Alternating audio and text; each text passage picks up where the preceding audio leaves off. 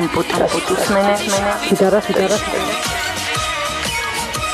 გასვატრი ალავერდი ალავერდი ქვიარებთან.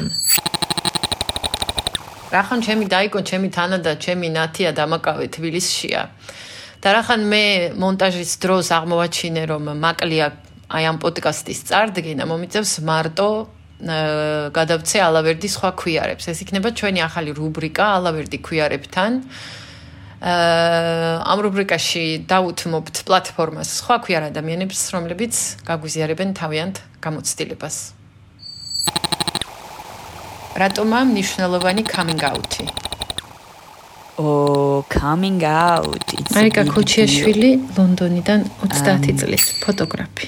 ძალიან ძალიან მნიშვნელოვანი პროცესი მე მგონი ყველა queer queer ადამიანის ცხოვრებაში და თან ეს არ არის რაღაც რაც თქვა წკაპ და უცბად ერთი დღიდან მეორე დღეს უცბად coming out და ყველაფერი დასრულდა რა.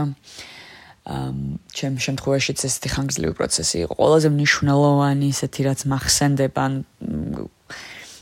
რაც ამას მოყვა ის იყო, რომ თქვათ თქვათ როგორ ამან იმოქმედა საკუთარი იდენტობის და სხეულის მიღებაზე და თქვათ ის რომ თელი ცხოვრება რაღაცა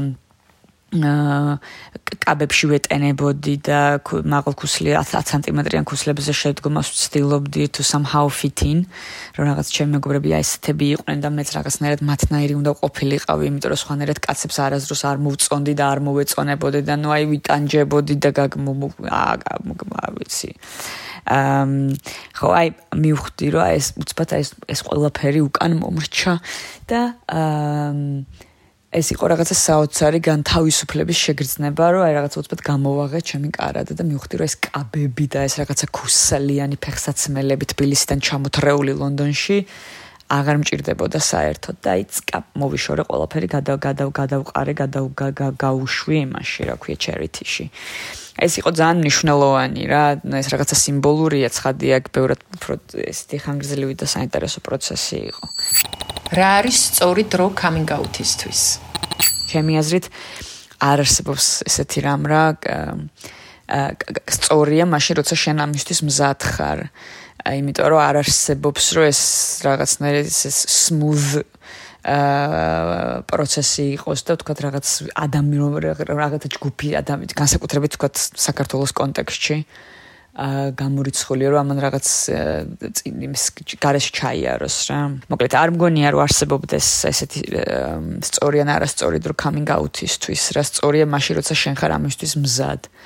იმიტომ რომ ა განსაკუთრებით ქართულ კონტექსტში აუცილებლად სავარაუდოდ იქნება ვიღაც ან რაღაც ან ოჯახის რომელიღაცა წევრი რომ ან მეგობარი რომელსაც ეს იქნება მიუღებელი და ნუ ამისთვის მზად უნდა იყო და მზად უნდა იყო იმისთვის რომ შეიძლება ძალიან ბევრი ადამიანი დაკარგო. ნუ ეს რაც შემ შემთხვევაში ესე მოხდა მაგალითად. ნუ მეგობრები რომლებიც გეუბნებიან რომ მ ფესალ რაღაცა იც ფეის და გაგივლის და შემდეგ წელს იობართან ერთად ჩამოდი და ნუ რაღაცა სისულელები. ყლეობები. ხო და მ მზად ხარ მაშინ როცა ზუსტად იცი რომ იმარტო ის კი არა რომ hmm maybe i'm gay. Maybe i should come. And i say i think you're you're ready when you think that you're it's so fucking cool that you're queer. Um როგი ხარია შენი რაღაცა რაღაცა ახალი შენი შეღწა მიღება და აღმოჩენა და მიღება რა um შენი სექსუალობის რაც თქვა მანამდე არ გიფიქრი ან გიფიქრია და საშინელი შიში იყო და უცბად ხვდები რომ რა შიში it's so cool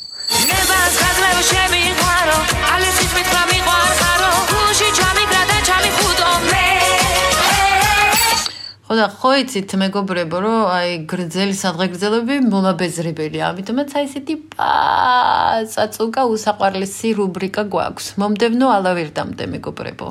ნათია ნათია მალე ჩამოდი დამაკავე. გამში დამაკავე დამაკავე დამაკავე. დამაკავე დამაკავე კოცნით გეხვევით თქვენი თინი გამიშვი